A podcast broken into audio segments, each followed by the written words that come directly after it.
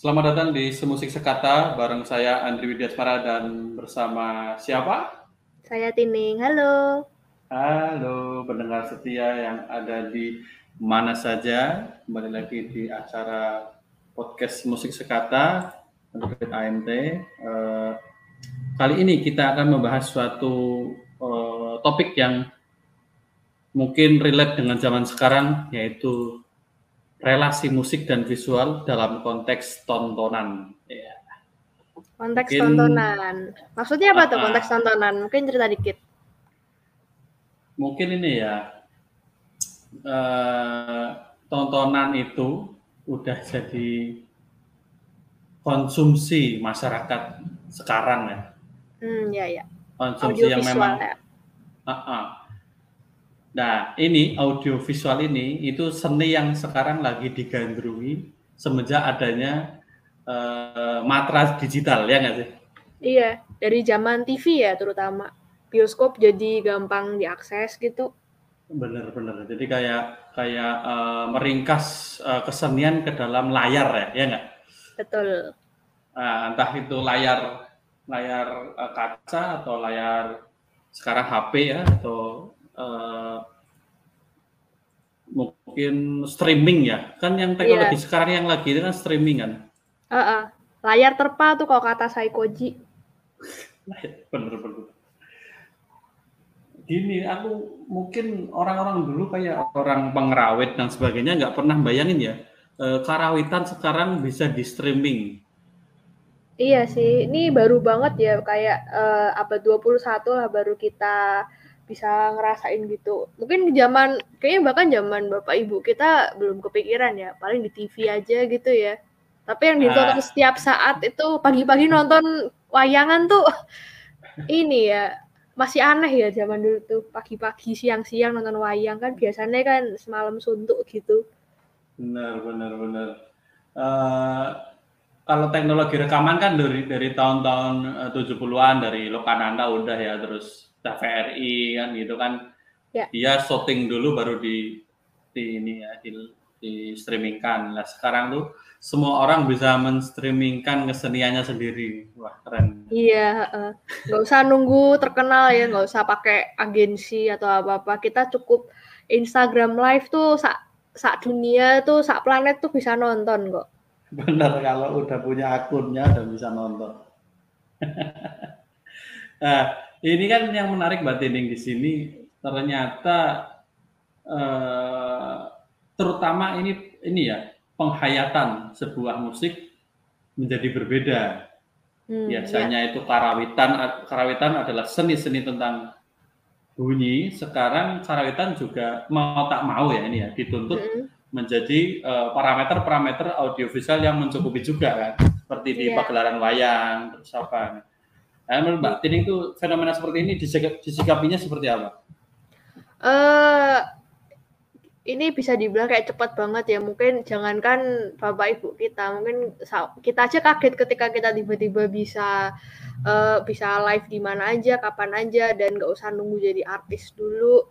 Uh, hmm. Tapi kan kita memang mau nggak mau kan harus mengikuti karena justru dengan teknologi gampang diakses, kita bisa uh, bisa live, bisa nunjukin musik hmm. kita di mana aja, kapan aja itu kan uh, justru bisa terbuka koneksi baru yang mungkin uh, hmm. dulu nggak akan kepikiran, nggak akan kita nggak bakalan nyampe segitu dulu. Tapi sekarang itu udah udah gampang banget untuk bisa connect sama orang-orang di luar sana, terutama lewat hmm. musik kita gitu. Hmm, benar sekali. Soalnya uh, jagat hari ini itu udah nggak ada bedanya antara pertunjukan musik sama pertunjukan audiovisual sekarang udah udah gak ada bedanya kan nyatu audio, audiovisual kan. Antara musik dan visual kan kalau dulu kan uh, kolaborasi kan gitu kan. Ada iya. yang nampilin visual ada yang nampilin musik kayak wayang itulah sekarang udah nggak ada bedanya kayak orang uh, cover aja butuh butuh klip di sana. Orang butuh butuh tontonan selain bunyi yang yang ada kan gitu kan. Ya nggak sih Iya, uh, jadi aku dulu waktu SMA tuh kan uploadnya SoundCloud ya. SoundCloud kan Benar benar, streaming bunyi banget, tapi uh, semakin ke sini ya SoundCloud masih ada, masih ya masih eksis ya untuk nge-share. Hmm. Tapi orang kan cenderung lebih suka untuk nonton yang ada gambarnya. Nonton bener, YouTube. Bener. Minimal uh, gambarnya mungkin bukan berupa video ya, bukan kayak gerak-gerak tuh mungkin nggak hmm. harus, tapi kayak gambar mati aja itu udah uh, itu udah paling minim banget gitu. Ini uh, ya begitulah audiovisual gitu uh, kayak rasanya orang zaman sekarang tuh kalau uh, nonton eh kok nonton dengerin musik itu pasti langsung kayak nyari-nyari ini gambarnya gimana, cover artnya gimana, ada video klipnya kah, ada uh, lirik videonya, uh, lirik video nih kayak kan harus kata-katanya kan terpampang nyata gitu. Hmm. Posisi sleeve pada kaset tuh udah ganti sekarang jadi lirik video. uh, uh, lirik video. Biasanya kan di kertas-kertas kaset kita sambil baca sambil nyanyi kan. Iya, uh, nah, nah. Hmm. Tapi itu dipikir-pikir uh, lirik video itu sebenarnya kan strategi marketing ya. Iya, lagi-lagi industrial ya. Uh, uh, iya, soalnya uh, aku kebetulan pernah kemarin ikut uh, sedikit workshop tentang bisnis musik itu diajarin sama di Orchard. Di Orchard mm -hmm. ini uh, bagian distributor musik di bawah Sony ya. Mm-hmm. Nah, salah satu cara marketingnya itu adalah uh, selain dengan berbagai konten di Instagram, Facebook, YouTube segala macam, itu ternyata ada lirik video tuh bagian dari situ, bagian dari trik mm-hmm. itu. Jadi misalnya nih, uh, misalnya musiknya udah lirik, uh, rilis rilis, musiknya udah rilis. Nah itu uh, video klipnya langsung keluar nih, MV keluar Hmm. Nah, mungkin beberapa beberapa hari kemudian baru upload si lirik video ini gitu. Disusulin ya? Iya. Uh. Hmm, jadi kayak strateginya dia untuk uh, tidak menyanyiakan sebuah momentum ya. Iya, tapi dalam uh, logika uh, ini ya, logika populer ya. Iya, uh, tapi uh, di situ selain itu juga dengan adanya lirik video kan untuk teman-teman yang disabilitas tuh penting sih ya kan? Hmm, ya ya ya, benar Kan orang kan yang tuli atau bisu tuh kan mungkin agak kesusahan nih untuk dengerin musik, uh, hmm. secara full. Dengan mereka lihat lirik video, ya mereka mungkin secara musik nggak bisa se menikmati, se-enjoy kita, tapi setidaknya bisa menghayati dari liriknya lah kalau gitu. Hmm, jadi secara aspek fungsional juga membantu ya kalau seperti itu ya? Iya, lirik video itu emang hmm. Hmm. Wow. Tapi kalau kita runut lagi ya dua entitas ini ya musik dan visual ini kan sebenarnya uh, seni yang berdampingan juga dari dulu kan. Kalau yeah. Apa uh, antara musik dan visual sejarahnya kan udah bahkan hampir ada teori dalam ini ya dalam keagamaanku Islam itu yeah. ada ada dua uh, versi antara Tuhan tuh menciptakan bunyi dulu atau menciptakan cahaya dulu? Waduh, tuh yang bener yang mana tuh Mas? Aku belum nyampe. iya ya, tapi sih itu cuma ini sih cuma uh, iya. uh, kayak omong-omongan aja sih kayak belum tahu fakta apa bukan. Tapi iya. menarik aja ada uh. ada bahasan seperti itu bapak. Uh, kalau dari versiku tuh versi agamaku Islam tuh kan Tuhan tuh menciptakannya cahayanya Nabi Muhammad dulu. Hmm, nah, iya, iya. cahaya. Nah, terus aku ke, uh, punya uh, guru juga, guruku tuh kayak ngomong bahwa nah, cahaya itu juga uh, berbentuknya juga bunyi. Ya, bingung maksudnya. Oh iya, iya. Soalnya ini kalau bicara sedikit ya kayak spiritualitas nah, secara nah, umum nah. ya, itu uh, kayak apa ya masuknya spiritualitas New Age atau apa pokoknya yang teori-teori hmm. baru tuh bilang kalau alam semesta tuh diciptakan tuh dari vibrasi. Ah, Big Bang itu kayaknya ya? Iya, bukan. vibrasi. Uh, hmm. Bukan Big Bang. Apa ya pokoknya ada ketika ada vibrasi terus kemudian ada kehidupan terus kayak ada gravitasi narik-narik gitu. Aku kalau saintifiknya prosesnya gimana kurang tapi kan uh, vibrasi. Nah, yang vibrasi itu kan lebih dekat ke bunyi ya daripada ke visual. Bener banget ya, vibrasi itu tentang gelombang kan maksudnya kan. Iya, kalau di Hindu gelombang, tuh bunyi. di di Hindu tuh uh, kalau nggak salah kayak bunyi pertama, suara pertama tuh ya om itu. Mm-mm. Jadi Jadi dianggap kayak suci. Uh, tingkat spiritualnya itu udah udah kebunyi kan, nggak ke yang ma- kasat mata kan berarti kan. Eh, terus apa ya kayak tak pernah ini nggak sih Mas lihat percobaan yang ada lempeng besi terus di bawahnya dikasih apa sih bunyi frekuensi berapa hertz terus tiba-tiba terus ditaruh pasir di atas lempengan besi terus nanti bentuk pola-pola gitu. Aku Hmm, lupa namanya. Nah kan kayak Ah, seperti itu. ah, iya, iya, iya. jadi kayak nanti polanya spiral atau uh, Iya. gimana ya gitu kan. Ah, Iya, nah mungkin iya. itu contoh apa ya Alam semesta. untuk musik dan visual juga ya. Iya. nggak apa-apa itu semuanya bisa dibahas karena kita tuh tujuannya menggosip. Iya ya udahlah ya.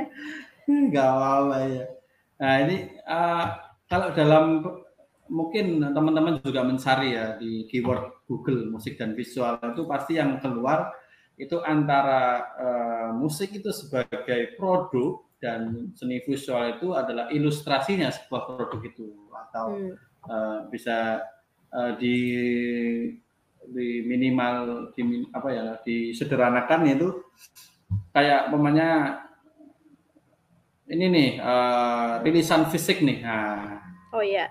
relasi keduanya itu cuma kayak kita jualan musik terus uh, seni visualnya adalah uh, artworknya Oh iya iya. nah, Berarti cuma sebatas itu uh. lebih ke pendukung ya visualnya ini.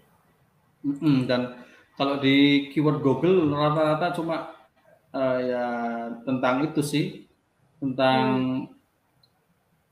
uh, produk produk uh, rilisan fisik atau uh, mungkin ada nih pertunjukan juga nih pertunjukan nah itu paling cuma kolaborasi antara visual sama musik Hmm, iya.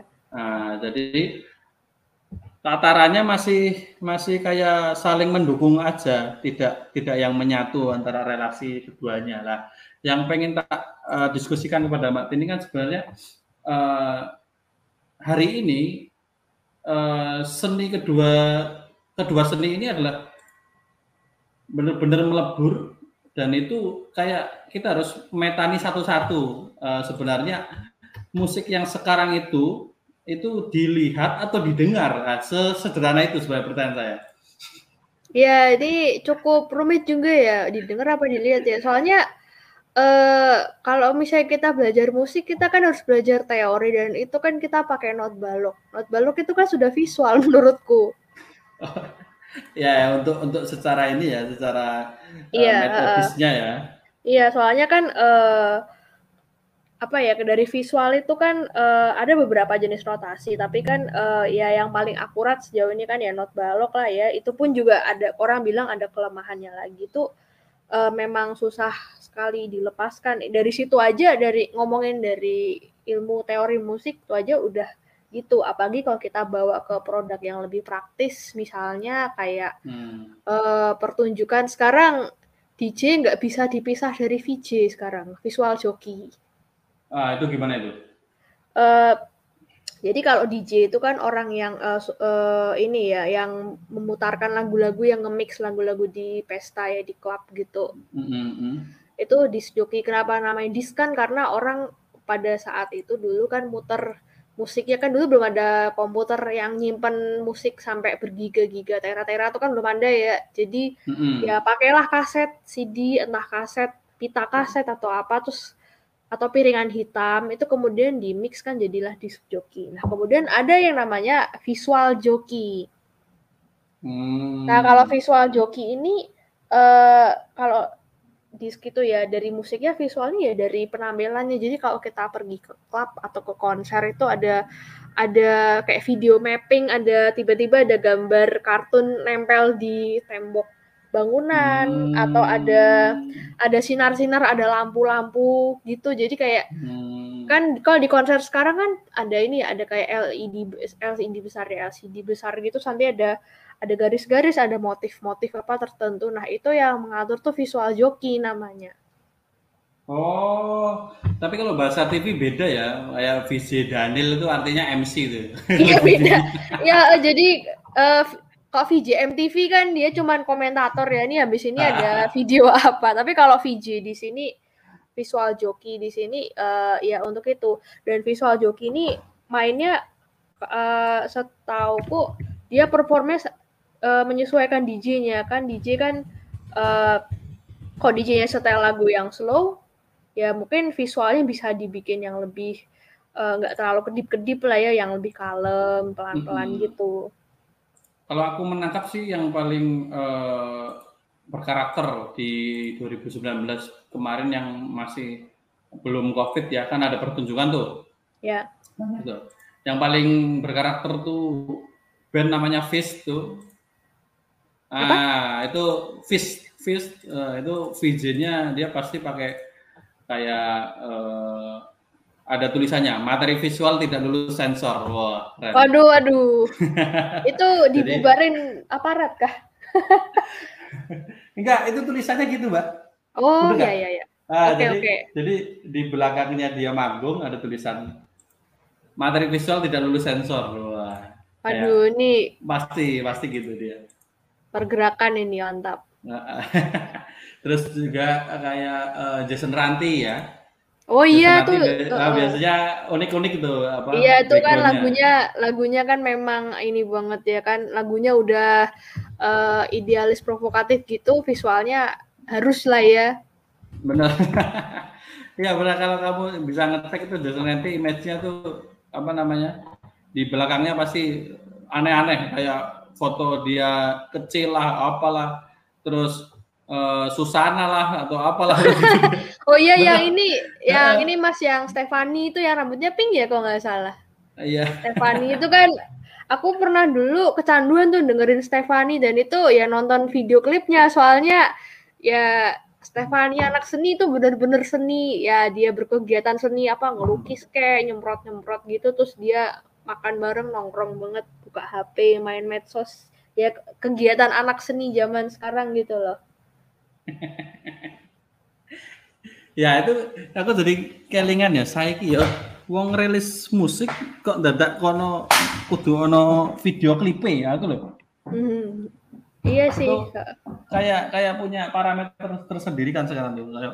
Nggak komplit kalau nggak pakai kalau nggak pakai video klip. Nah, itu kan harus kenapa harus harus kayak gitu kan. Iya, justru malah kebalik ya kalau waktu zamannya rilis rilis fisik dulu uh, rilis dulu musiknya, nanti musiknya mana yang populer tuh baru dibikinin video klipnya ya, iya nggak sih? Ah, ber. jadi polanya udah berubah, Pak. Iya. Ya. Tapi ini sih uh, uh, itu di saat ini juga dipakai sih kadang-kadang misalnya aku aku ada rapper rapper bukan favorit sih tapi ada satu rapper yang lagunya aku suka gitu dan ini dia rapper baru. Hmm. Rapper baru terus lagunya viral di TikTok. Waktu di YouTube itu ya belum ada video klip, adanya video audio video gitulah ya, cuman hmm. gambar mati gitu aja tapi ya ada suaranya, ada musiknya gitu. Nah, itu setelah dia viral berapa bulan tuh baru dibikinin uh, video klipnya sih. Hmm, oke oke oke. Ah, Mbak Tining bilang TikTok itu juga semakin membingungkan sekarang. TikTok itu sebagai sebuah platform udah jelas ya bahwa dia sebuah platform untuk hiburan untuk seperti layaknya Instagram dan sebagainya ya, maksudnya untuk yeah. tatarannya sama ya. Mm-hmm. Nah, untuk distribusi musik itu udah TikTok udah jadi satu sama uh, seni koreografi lah, apalah. Iya. Ah itu meleburnya di situ. Iya sih memang, uh, soalnya kan uh, terutama urusan copyright kan jadi ano ya. Berantakan. Uh, iya karena kita mau ngeklaim apa nih musiknya tapi ini videonya nggak bisa dicopot. Nah.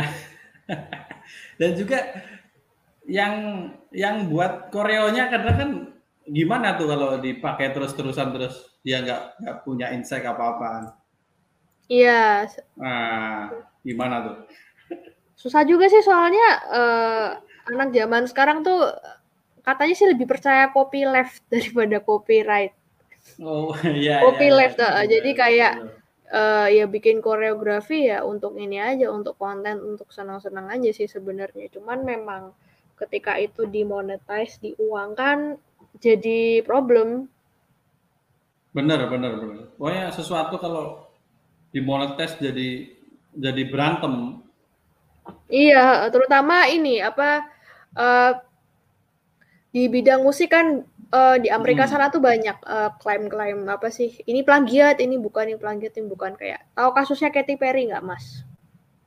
Yang paling ngerti aku kasusnya ini Paramore sama Oh iya, yang Olivia siapa itu? Bukan? Nah, itu yang katanya Iya, itu viral juga. Hmm, tapi, tapi menurutku ya ini sih ya itu bahasan mungkin bahasan besok kita membahas yeah. sendiri untuk struktur musiknya ya tapi nggak apa-apa yeah. untuk, untuk untuk untuk info aja.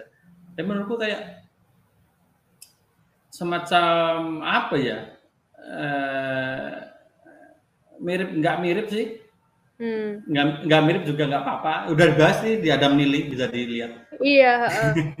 nah itu makanya kan gara-gara kasus itu kan untuk kebutuhan musikologi forensik jadi naik, Mas. Tahu nggak musikologi forensik? Ah, mungkin bisa dijelasin lebih lanjut, Mbak. Uh, gampangnya musikologi forensik forensik itu nggak mesti yang belik-belik mayat gitu nggak ya? Oh iya iya. ya kalau oleh kalau musikologi yang dibelek-belek itu ya analisis musiknya yang di, ini hmm. dibedah dianalisisnya seperti kita kuliah. Uh, nah itu salah satu cara untuk membuktikan ini musik plagiat apa enggak tuh selain dari analisis juga ternyata pakai aplikasi visualizer mas. Visualizer gimana tuh? Jadi uh, musiknya dimasukkan ke aplikasi gitu DAW. Nah nanti kan ada waveformnya mas kelihatan. Hmm. Hmm waveformnya entah yang apa yang kayak batang-batang gitu atau yang spektrum hmm. gitu. Nah, itu bisa dibandingin sama si musikologi ini. Ini plagiat apa enggak?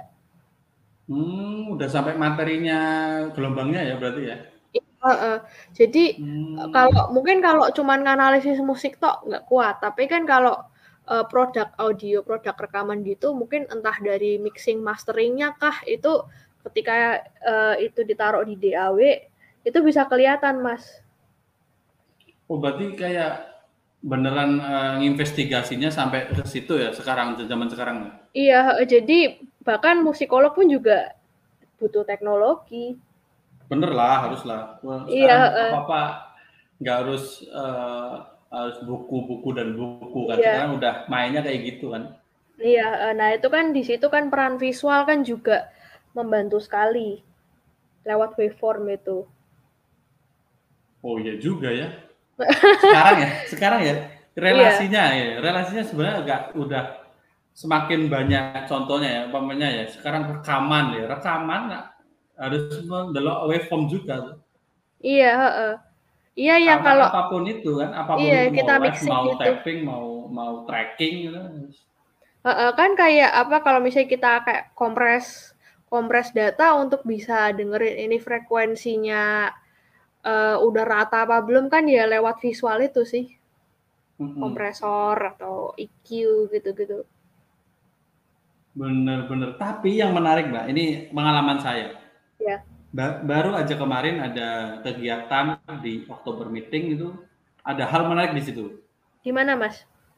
Gini, uh, setahu Mbak uh, partitur itu mm-hmm. kan sesuatu yang terlihat kan.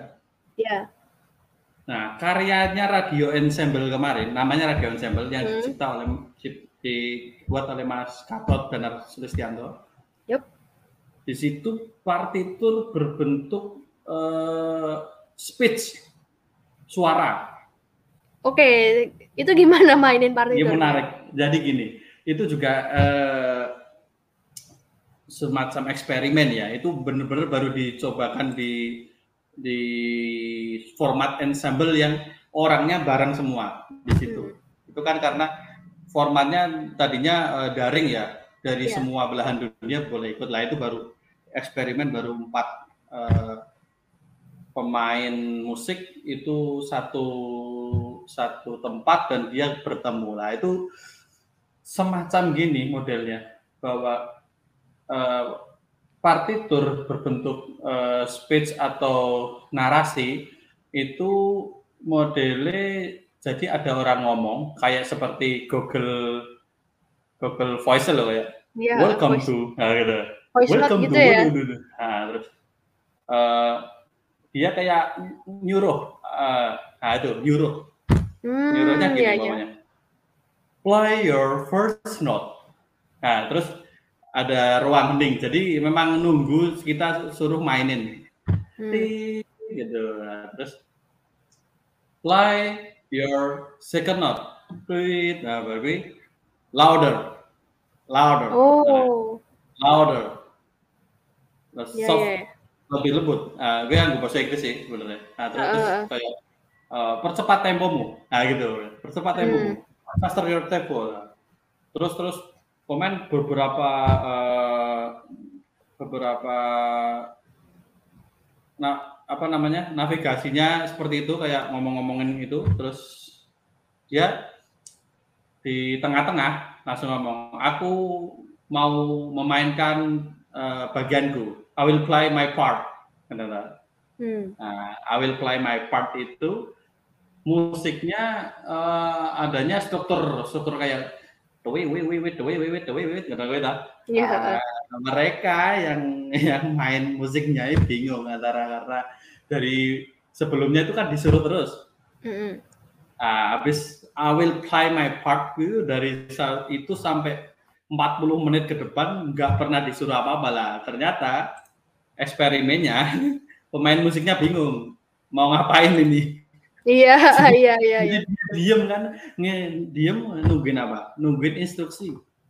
Hmm, ya, ya, ya. Nungguin instruksi lah. Ternyata kan dia kehilangan itu, kehilangan. Padahal itu udah waktunya mereka uh, merespon, merespon, uh, merespon struktur musikal yang ia dengar.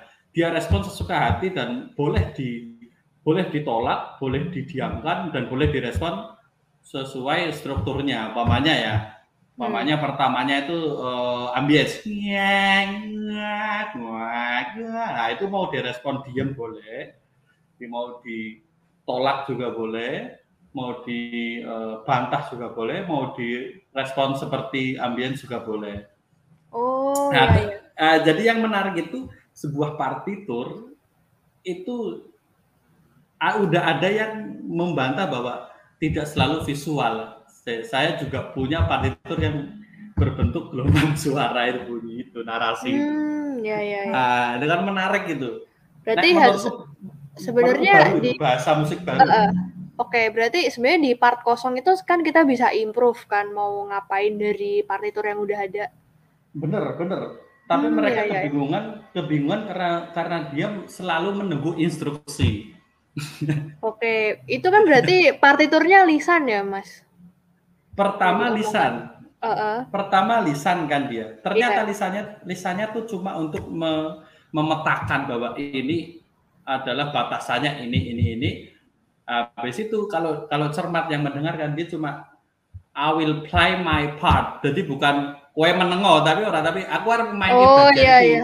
Oke, oke. Okay. ngerespon bahwa nah itu jadi struktur uh, musiknya entah itu uh, mungkin uh, dinamiknya keras lembut dan sebagainya itu terserah mau direspon sama pemainnya mau hmm. di um, mau dituruti nadane oleh dibarengi oleh bahkan di tengah-tengah ada ada ada struktur musik yang uh, orang perang itu loh angling dharma itu loh kayak gitu ya kayak wayang-wayangan gitulah ya Enggak, suara Siapa? pedang cam, pedang oh, cambuk oh, perang. Bang, oh, perang gitu ya. Oh, kayak action gitu ya. Iya, iya, iya, ya. oke, oke, baru ngerti kayak Mungkin action gitu ya. Besok besok kamu harus dengerin itu benar. Itu experience yang yang menurutku experience sekaligus, sekaligus eksperimen yang buat saya itu baru buat saya. Iya, uh, ini uh, yang tadi yang bagian perintah-perintah lisan tuh uh, sebenarnya juga bagian dari partitur kan. Iya, iya. Okay. Dia cuma uh, uh, mau membukanya itu pakai speech itu. Uh, aku ngelihat kayak uh, eksperimen ini seperti sebenarnya kan kalau di Indonesia tradisi musiknya kan lisan kan, Mas? Benar, benar, benar. Ya. Nah, kayak gamelan itu mungkin kalau nggak salah tuh kayak notasi-notasi yang dipakai di gamelan tuh baru tuh baru dibikin abad 20 tapi kalau dipikir-pikir sebelumnya uh, zamannya Pangeran Diponegoro terus zaman Majapahit gitu-gitu gimana orang belajar main gamelan? Nah, betul, tanpa notasi kan dari, uh, uh, di, ditirukan dari lisannya iya uh, uh, ditirukan dan nah. bisa dibilang ini kayak ngembangin yang ngembangin tradisi lama gitu sih. Tapi menarik bener, sih bener-bener ya bener. Uh, soalnya memang sih kalau ketika kita main musik sekarang di dari awal diajari dengan partitur tuh kita ketika disuruh improv kan yo jadi kaku ya mas ya bingung menang uh, uh, soalnya pengalamanku waktu pertama kuliah musik tuh kan kita buat komposisi dan kebetulan ya karena tempatku uh, prodi komposisi ya jadi kan ya, hmm. ya uh, eksperimennya benar-benar eksperimen yang ya tanpa partitur kayak tanpa. Hmm. itu atau mungkin partiturnya cuma instruksi lisan tadi gitu seperti yang ya eksperimen. Nah terus nah kebetulan uh, teman-temanku ini dia uh, main uh, gitar klasik. Hmm. Gitar klasiknya uh, dua-duanya ini sudah apa ya sudah terbiasa terdidik secara teori musik gitu loh, bukan yang main gitar klasik hmm. genjreng-genjreng itu enggak, tapi ya memang hmm. start dari itu. Nah, terus ketika ketika pas hari H kita tampil gitu terus nah sebenarnya di komposisi itu ada ruang untuk improvisasi buat mereka. Nah, ya terus terus. Nah, mereka disuruh improvisasi tuh ya bunyi mas tapi eh, nggak uh, bisa bervariasi gitu loh mas misalnya hmm, ya nada yang sama ya. cuman main irama to atau nadanya nggak bisa jauh-jauh yang gimana hmm. gimana gitu kayak masih belum berani untuk keluar dari kebiasaannya gitu sih.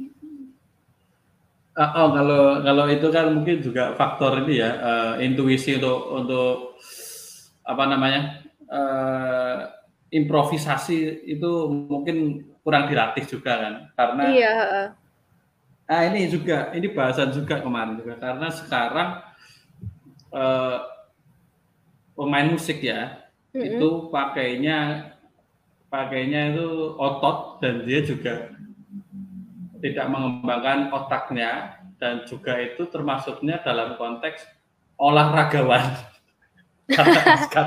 jadi ini ya jadi robot ya mas olahragawan. Ya, dia oh, atlet, iya. atlet dia.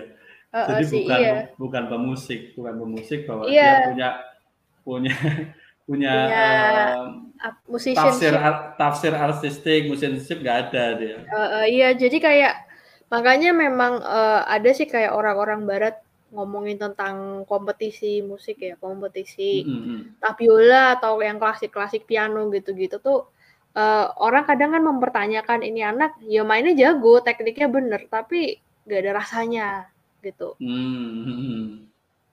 Nah kalau cuma berhenti di nggak ada rasanya kan uh, itu udah dari dulu kan nggak ada rasanya yang seperti apa kan gitu kan. Iya uh, sih memang. Kita harus lebih perjelas itu lagi bahwa nggak ada rasanya itu karena problemnya apa kan gitu kan harusnya. Nah iya itu sih. salah satu yang ketemu problemnya itu ya musik uh, pemain musik lebih ke lebih ke dilatihnya jadi atlet nggak jadi musisi. Iya sih, uh, gitu. Iya sih makanya aku tuh aku pribadi tuh termasuk tipe yang males latihan piano gitu tuh uh, ini bukannya aku nggak mau jago nggak tapi kok kan aku gampangnya bosenan nih mas. Ah iya iya. Orangnya, nah terus kayak kalau bosen tapi kayak digas latihan memang sih kayak aku masalah memoriku nggak terlalu bagus. Tapi kalau latihan terus kan aku kayak ya kalau bosen ngapain main musik ya? Kayak ngapain oh, diulang-ulang gitu uh, uh. kalau misalnya bosen iya sih emang untuk bisa mencapai level permainan musik yang mumpuni kan memang kudu latihan. Tapi kalau hmm. latihan aja bosen mengulang-ulang bagian terus dan itu kan malah bikin nggak semangat main musik ya mas. Iya selain nggak semangat juga nggak berprogres kan kamu mak latihannya. Uh, uh, iya. Mak gitu-gitu doang, gitu-gitu doang. Nah, apa yang diraih kan jadi nggak nggak ini nggak terpetakan. Iya betul. Wah, yang menarik sekali ya. Sampai sampai ada notasi yang dari iya. eh bu, bukan notasi, partitur yang dari uh, bunyi. iya, partitur sih Tapi ini sih yang tradisi lisan itu ya menarik juga ya untuk ini apa mungkin dengan adanya audiovisual sebenarnya tradisi lisan bisa lebih ini lagi meskipun ya oke lah kita masih bergantung sama visual lagi ya. Tapi se sebenarnya uh, menurut Mbak Tinding itu sekarang udah waktunya kita uh, fokus aja nih sama fenomena yang terjadi bahwa semuanya lebur jadi satu antara musik visual sama koreo dan sebagainya atau seni-seni yang lainnya dalam matra digital itu. Kita fokus uh, mencari eh, hal-hal uh, menarik seperti apa aja bisa di musikologi forensikan atau gimana atau memang kita atau memang kita tuh harus tetap kekeh nih. Apa pun yang musik harus lebih nomor satu nih daripada yang lain. Nah gimana nih menurut mbak ini oke okay. uh, jangankan musik seni aja kan juga batas-batasnya makin nggak jelas toh mas. Seni seni hmm, secara umum ya. Hmm. iya kayak seni rupa. Uh, seni rupa uh, orang-orang uh, para seniman rupa sekarang tuh juga karyanya ada bunyinya. Dan mereka hmm. bilang itu karya mereka. Terus sama kayak uh, kebetulan di kelasku juga ada sih yang iseng-iseng pak kalau TA saya instalasi musik jadi musik ada visualnya itu boleh nggak dijadikan TA tuh sama dosen waktu itu ya ditolak karena uh, parameternya itu tidak jelas yang seperti hmm. tadi kita ngomongin itu tapi hmm. kan hmm, hmm. dari visual sendiri dari dari seni rupa aja kayak kita main ke Artjok deh. Ke Artjok tuh kan hampir semua slot-slot apa semua karyanya ada bunyinya kan. Entah bener, ada bener ada apa ada misalnya ada kayak uh, eh, MP3 player ditempel di situ atau hmm, ada ambience, misalnya ambience. Uh. iya ambience gitu. Kayak iya kayak aku masih ingat yang instalasi warung terus ada bunyi tumbas tumbas gitu tuh kayak uh, uh, iya seperti itu. Berarti kan uh, udah nggak bisa dilepas ya. Jadi ya hmm. mau nggak mau kita aku sih ikutin aja Hmm. Mengikuti aja Tetap. dengan yang ini sekarang. Why not aja? Aku nggak, aku merasa nggak melihat sisi negatifnya tuh. Oh, Kecuali kalau dari segi keilmuan ya. Kalau dari keilmuan kan hmm. mau nggak mau. Hmm. Ya juga sih ya, kita nggak usah berpikir yang kolot-kolot amat juga nggak apa-apa ya. iya sih, uh, iya. Justru sebenarnya kan visual itu kan dia bisa membantu ngasih konteks tambahan dari karya musik itu sendiri. Misalnya ya seperti hmm. konten-konten kita sekarang ketika nggak ada visualnya, ya orang kan jadi bertanya-tanya, ini musiknya itu tentang apa toh, lagunya, liriknya itu tentang apa gitu. Nah ini jadi menarik. Jadi aku punya pertanyaan nih. Berarti menurut Mbak Tiding orang sekarang itu tidak bisa uh, mandiri mendengarkan sebuah musik, dia harus bergantung pada konteks visualnya. Ya. Iya. Iya, karena uh, konten yang ditawarin ya semuanya kayak gitu sih. Lain ya kalau misalnya waktu aku kecil dulu bapak aku muterin lagu klasik atau muterin Michael Jackson, Phil Collins, ya itu muterin CD dan bapakku nggak nyetel TV-nya, jadi ya aku dengerin musik hmm. aja gitu sebenarnya kan uh, karena waktu itu memang produknya kan produk fisik ya rilisan hmm. fisik itu kan uh, orang memang fokus ke bunyi tapi kalau sekarang semua kontennya uh, semua kontennya ada visual orang merasa ketika mereka ngelihat visual tuh jadi lebih punya apa ya pengalaman yang lebih kaya seperti itu loh hmm. mereka kayak uh, kayak ketika nonton video YouTube nonton nonton um, video klip gitu mereka kayak berasa seolah-olah mereka ada di situ mereka ngelihat langsung hmm. artisnya mereka uh, apa pengalamannya itu beda ketika mendengarkan musik meskipun uh, bagi beberapa orang mungkin musik memang lebih penting ya kadang ya videonya dimatiin gak usah nonton gitu hmm. tapi karena konten yang berkeliaran di berkeliaran ya berkeliaran di sekitar hmm. kita itu konten audio visual ya mau gimana lagi pagi sejadatinya TV terutama itu. aku aku juga itu ya selalu tertawa sendiri kalau membayangin uh, gimana, gimana mas? Gimana jadinya budaya musik besok kalau YouTube tuh tutup? Eh, oke. Mungkin bakal ada ini kok apa ada modelan YouTube yang lain sih, tenang Oh, aja. mungkin ya. Heeh, kan ada ini bahkan kayak eh pertama di kayak sebelum TikTok kan Snapchat ya atau Instagram itu eh itu aja sudah bisa ngasih kesempatan banyak orang untuk berkreasi dan nggak kenal waktu, tempat dan status. Terus ditambah eh, ada apa updatean story, story terus akhirnya ada TikTok. Terus nanti mungkin abis TikTok mungkin akan ada platform yang baru lagi yang ngasih experience yang bikin kita kaget lagi. Mm-mm. Mm-mm. Iya juga sih ya. Sekarang aku juga juga mikir ya. eh ini juga konteksnya tontonan ya. Tontonan Iya. itu sekarang bagi orang sekarang ya, bagi orang sekarang itu Mm-mm. udah kebutuhan primer nah aku. Tenan. Oh iya, semua orang langganan Jadi- Netflix ya. Ya, jadi jadi ah, gimana ya?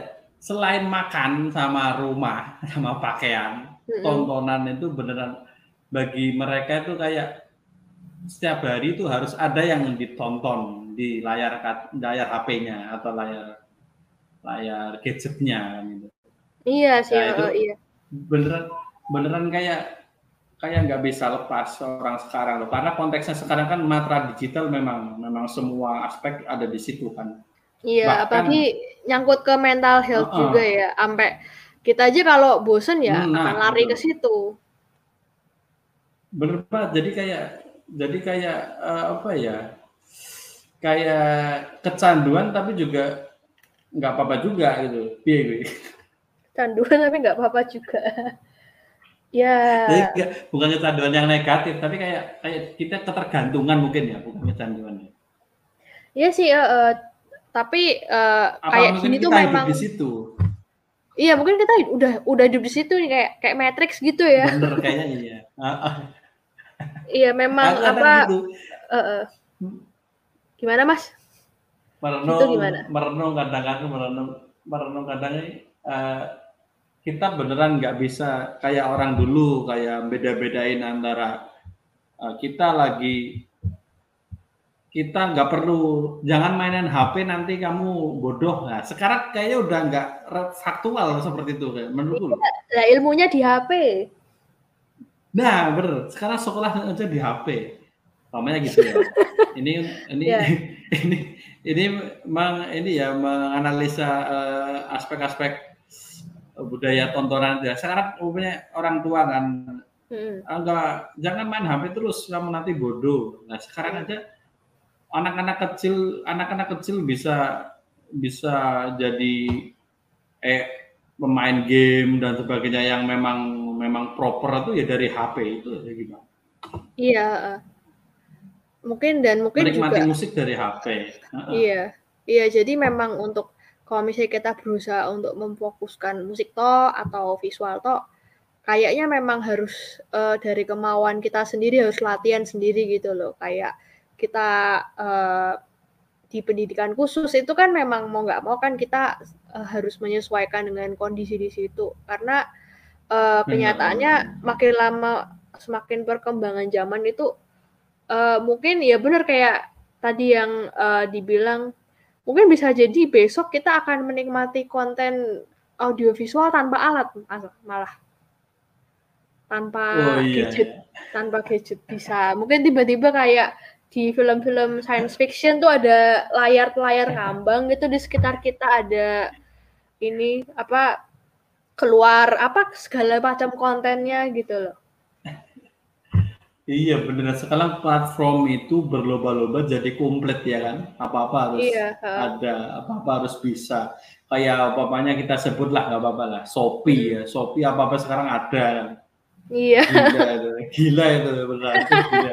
Iya sih, dulu Itu- kita harus ke toko Nah. beneran ya, ke gedung gitu. Sekarang tinggal nggak usah ke mana-mana, Heeh. langsung barangnya datang sendiri gitu.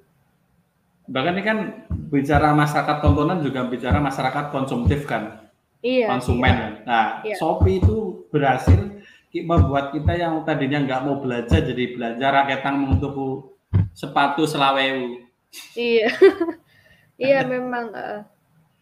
Nah, tontonan juga di situ benar-benar jadi barang primer kita kita beli kita rela beli kuota yang bergiga-giga yang memang itu uh, memfasilitasi kita untuk untuk uh, menonton sesuatu yang membuat kita tenang, membuat kita happy, membuat kita uh, serasa hidup kembali kayak umpamanya di konten-konten TikTok atau YouTube atau apa itu kan sekarang udah udah jadi barang yang bukan jadi sekunder menurutku Iya, dan itu bisa apa ya?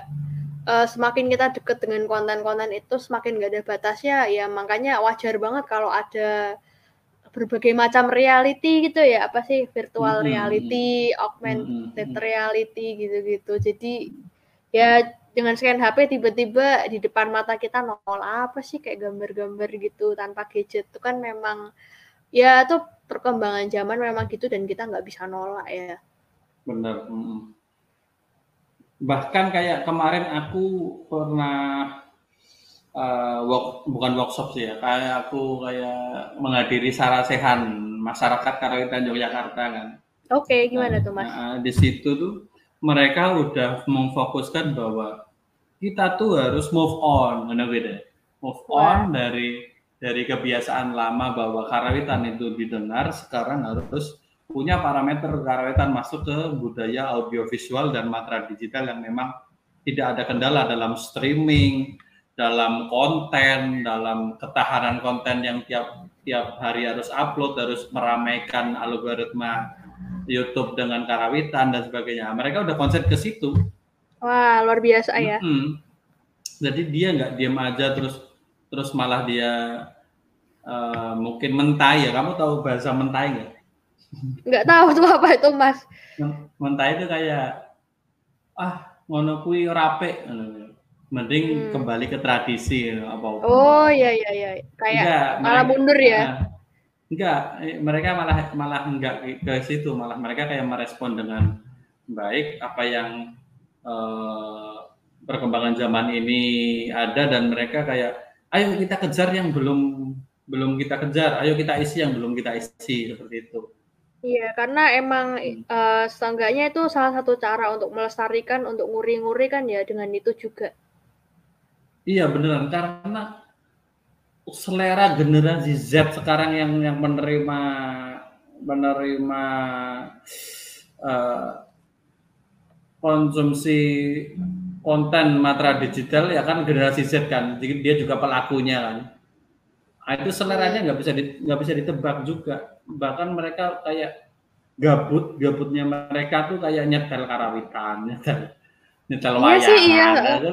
iya mas temanku temanku di gunung tuh dengerin apa campur sari apa keroncong tuh loh mas. Jadi kayak malam-malam dengerin keroncong tuh di gunung tuh kan kayak yuk kayak di rumah-rumah simbah gitu gitu ah mereka punya logika nostalgik yang pengen oh, iya. dapatkan kembali kan gitu kan uh, uh, iya dan apa di ya secara musik bisnis pun orang juga memanfaatkan nostalgia itu untuk promosi ya, bener, untuk bener menjalankan industrinya.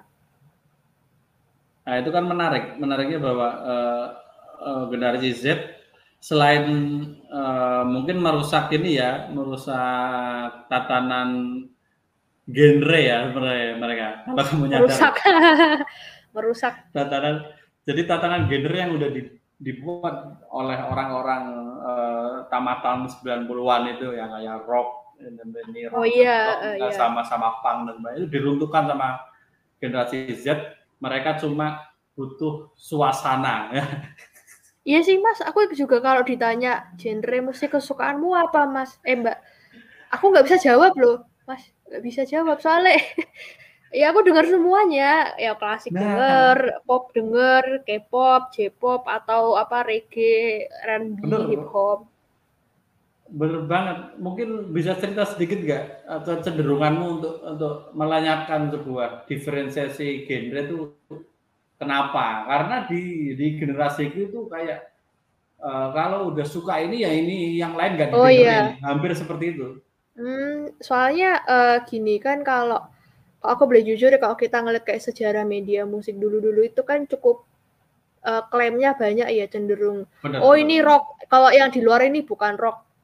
Bener, dan media-media kan sudah kayak apa oh sama ini sama kayak menentukan oh kalau kamu mau keren kamu harus dengerin ini dengerin ini dengerin ini gitu. Hmm. jadi kayak apa uh, sudah ada klaim seperti itu. Nah ketika aku gede gini uh, aku mau nyari musik apa itu ya langsung terpampang aja dan itu uh, kayak YouTube Google itu kan memberikan hasil kan tidak terkotak-kotak genre terkotak Benar. apa ini ilmu apa atau dari media apa itu kan enggak termasuk rekomendasinya pun juga eh uh, terkotak itu kayak termasuk playlist kan juga gitu misalnya playlist yang uh, yeah.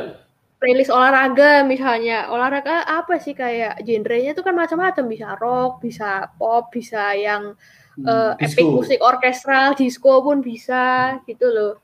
Itu dari playlist gitu aja tuh kan sudah tidak ada cenderung nggak ada kaitan genre lagi ya. Biarpun ada ini ya ada kayak khusus musik genre pop sepanjang masa tuh juga ada hmm. tapi kalau untuk playlist apa playlist berdasarkan suasana tuh kan orang udah nggak terikat sama genre lagi.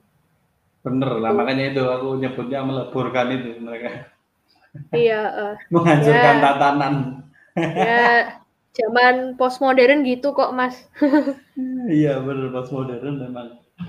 Emang meruntuhkan yang sebelumnya kan. Iya kayak ya jangankan di seni ya kayak segala macam iya. apa ya ekonomi juga kalau nggak ada seni uh, kaku sekali. Industri nggak ada hmm. seni nggak ada apa ya improvisasi tuh kok ini banget apa uh, kolot banget. Terus juga termasuk keilmuan filsafat segala macam ya memang begitu. Semuanya jadi gaduh-gaduh mas.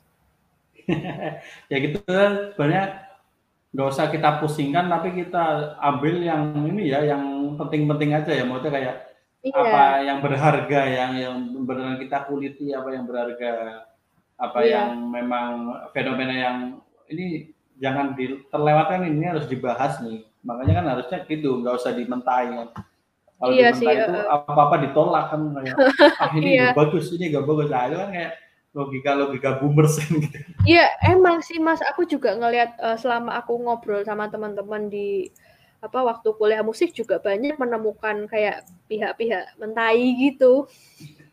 kayak misalnya ngadain konser uh, pemainnya sih klasik, tapi mereka milih untuk pakai lagu yang lebih populer ya penontonnya lebih banyak tapi ya dosennya kan ya ngomel-ngomel kan ini kok enggak klasik segala hmm. macem gitu ya seperti ini ya kita ngikutin aja yang untuk ngomong-ngomongan ya bisa sih tapi ya kita uh, mau gimana lagi ya ya kita ikutin aja kenapa enggak mungkin uh, oknum-oknum seperti itu mungkin Nah, menurut saya itu masih penting ya, masih perlu. Tapi dalam hal yang lain, ya menurutku, nggak yeah, dalam merumuskan yeah. suatu strategi mendapatkan masa atau strategi kekinian ya udah nggak relate iya. kayaknya.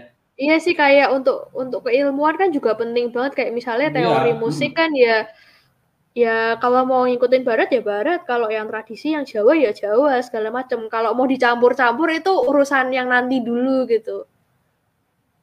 Hmm, makanya orang-orang seperti itu harus tetap ada nih iya sih. Yang penting Tapi tempat. banyak-banyak. Iya, yang penting tempat dan waktunya pas aja ya. Benar. Benar. Jadi ada cuma ada aja lah, nggak usah banyak-banyak.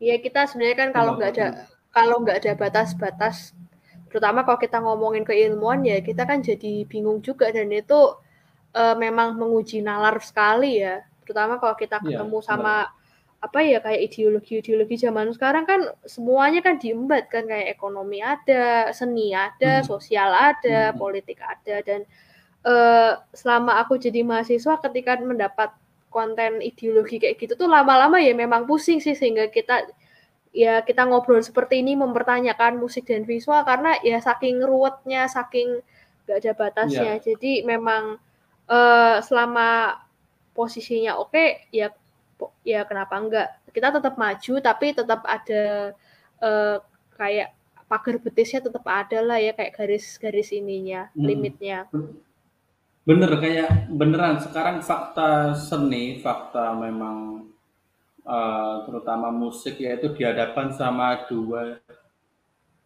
jaringan nih aku nah aku mikir ya. jaringan pertama itu jaringan sin sinyal sinyal itu juga ada dua sinyal itu pertama sinyal tentang sinyal-sinyal DB yang ada di laptop ada di ada di oh, rekaman oh, iya. waveform itu ya satu itu ya hmm.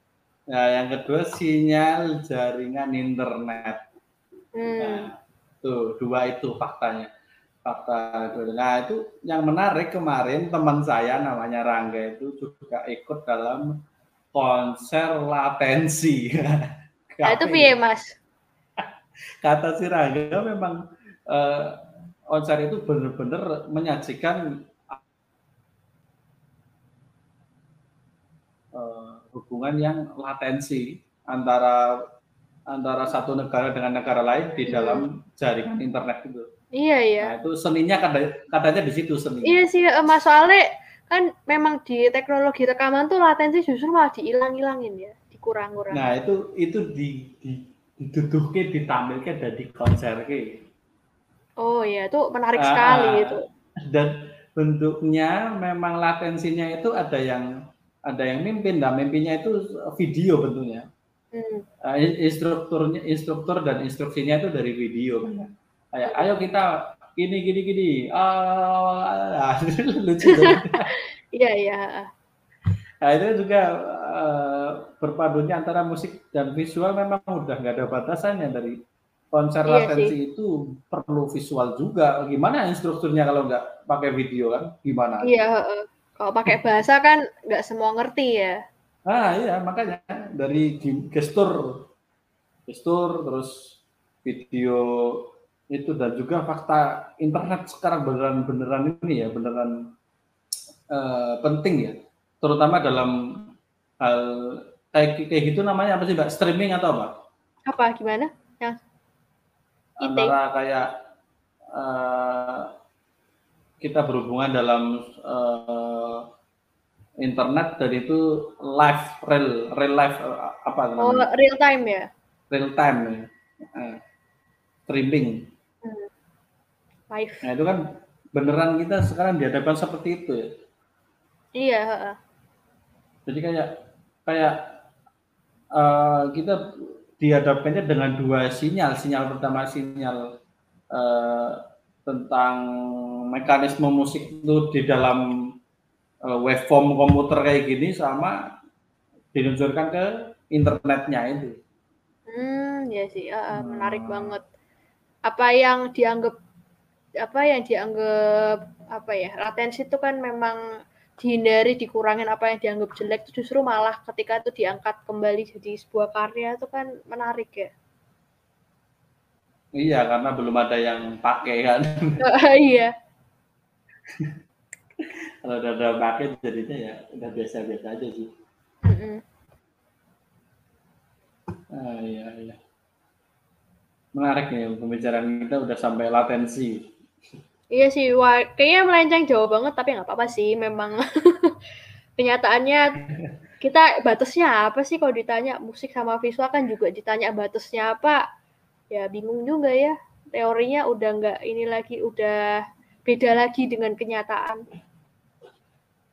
Iya benar nggak segampang kayak musik ya tentang indera penglihatan, hmm. terus eh musik musik tentang Dengaran. bunyi dan visual tentang indera peng uh, nggak nggak nggak segampang itu kan sekarang. Iya. Ben beneran nggak segampang itu sekarang. Iya. sekarang ya, hmm. yang menarik ya, aku juga mau cerita sekali lagi. Oh. Kamu pernah, iya, mas. kamu follow follow Jacob Jacob Collier nggak? Aku tahu sih mas, pernah nonton tapi ya nggak follow, tahu sih. Nah, itu dia buat musik pakai bentuk waveform kayak dia cuma mengucapkan hello tapi pakai waveform tuh hmm, oh, iya, iya, iya. L L O tapi dia pakai musik gitu hmm ya oh sama kayak ini nggak sih mas kayak uh, main piano roll tuh loh nah benar ya itu kan jadi kita bikin bentuk-bentuk ya, ya. apa sih kayak nah. kucing atau globu atau apa nanti bunyinya yang keluar kayak gimana persis persis gitu persis gitu itu menarik juga. Fakta-faktanya iya. musik, relasi musik dan visualnya fakta-faktanya seperti itu. Iya. Aduh, mantap sih bahasanya. Tapi Mas, enggak usah pusing lah, Mas. Minum sih, Mas. Udah nggak usah pusing lagi seneng malah. Uh, iya sih. Bahwa kita tuh beneran punya punya meaning ya apa apa tuh bisa di meaning nggak nggak terus apa apa tuh ditolak kita punya kesadaran bahwa apa apa tuh masuk ke fenomena fenomena yang penting bagi kita kan apa apa harus harus kita uh, maknai lagi kan gitu kan iya uh-uh. beneran kita jangan sampai lah apa apa lewat terus apa apa kayak ah ini nggak asik. Ah ini ini ah ini ini iya Tapi, uh, iya. Ikutin aja uh, ya enjoy aja ya. Bener ya apa apa harus di inilah dinikmati ya. Iya. Nggak sepaneng mas kalau malah di kalau malah di ya, mentain tadi itu. Iya. Kamu baru tahu bahasa mentain ya iya ya aku baru dengar hobinya rebahan ya mas Ya, itu budaya milenial depan. Iya ya, ya karena ada teknologi dan konten audiovisual nih, yo belajar nggak nah. usah nggak usah jalan kaki keluar. Hmm, bener sekali. Nggak usah ke Jogja juga kan yang. Iya, iya biarpun yo ujung-ujungnya ternyata sama kampus disuruh mau ini mau luring ya mau nggak mau sih. Tapi kan selagi sekarang oke okay, why not nonton apa lihat dosen ngomong sambil tiduran kan ya. Hmm. Kapan luring Mbak itu? Berarti kita bisa bertemu luring untuk membuat konten ini juga. Uh, katanya sih akhir tahun udah luring, tapi ini masalahnya uh, dari kampus sedang apa ya lagi masih wacana, Simulasi. masih uh, uh, masih apa uh, mereka lagi mengumpulkan data-data uh, opini-opini bisa apa enggak. Dan sebenarnya uh, diperkirakan akhir tahun tuh justru COVID tuh malah naik jadi oh jadi si muda-muda ya oke oke iya. uh, jadi kayak hmm. masih uh, yo maju nanti kena tapi kalau mundur ya ya udah nggak tahan lagi kayak gini. Ya serba kena depan kena belakang ya kena. Samping apalagi kena juga oke nggak apa-apa mbak yang penting mbak Deni juga sehat ya Iya, yang penting kita nah, masih tetap bisa ngobrol-ngobrol di podcast inilah. Iya, kita harus membahas topik yang juga lainnya masih banyak gini. Beneran masih banyak nyelengin iya, satu-satu ini beneran. Mungkin pendengar juga jangan khawatir ya, kita masih punya punya banyak topik yang menarik banget untuk dibahas. Yep. Hmm. Jangan ini, jangan bosan, jangan nunggu-nunggu, jangan ini ya. Pasti ada kok. Oke, menurut saya untuk topik relasi musik dan visual dalam konteks tontonan kali ini udah cukup ya Mbak Tini ya. Ada lagi nggak yang mau disemakan? Udah sih Mas, cukup banget dan oh, iya. ya sama sih memang uh, kenyataan ini bikin bundet, bikin pusing ya. Enjoy aja ya ikutin aja, gak ada ini lah. Ah. Tapi ini memang menarik sih, why not? Mm -mm, beneran. Hmm, mungkin kalau pendengar mau ada uh, apa namanya uh, respon ya mungkin bisa dihubungi langsung uh, kami juga ada di Instagram kami juga masih on di penerbit yeah. juga masih on nggak apa-apa yeah. kalau mau respon monggo. tentang monggo banget kalau mau yang ngasih ide segala macam usul topik-topik yang aneh liar segala macam nggak apa-apa why not kita mencoba untuk diskusikannya iya dong Oke, Mbak Tining, terima kasih untuk waktunya, terima kasih untuk terima kasih, Mas. Uh, opininya, terima kasih untuk uh, membantu mikirin ini. oh, bukan ngebacot ya? Enggak ya. Oke, oke. Makasih juga lo, Mas. Uh, selalu selalu iki ya, selalu menggali apa meaningnya suatu pembicaraan. iya. Jadi enggak enggak asal Kan yang rasanya enggak berguna sekalipun ya eh, siapa tahu nggak berguna sekarang berguna besok iya sih uh, Kayak... iya makanya kita ngomongin sekarang tuh penting loh besok orang butuh referensi terus jukanya ke kita asik merasa penting kita ya iya dong Oke, terima kasih Mbak Teddy sehat-sehat di Semarang. Semoga kita bisa berjumpa luring juga ya, bisa-bisa. Iya, ya, amin Mas. Kayak aku cepet-cepet dalam, lah. Oke, terima kasih untuk waktunya. Mendengar, mendengar juga terima kasih sudah menyimak sampai satu jam. Kayaknya sudah sudah satu jam nih. Iya, ah, lebih ini. Yang iya. berharga ini semoga ada manfaatnya dari pembicaraan kita. Uh, saya Adri Widyasmara dan rekan saya. Uh, saya Tining, dadah. Uh, dadah, terima kasih atas perhatiannya. Wassalamualaikum warahmatullahi wabarakatuh. Waalaikumsalam.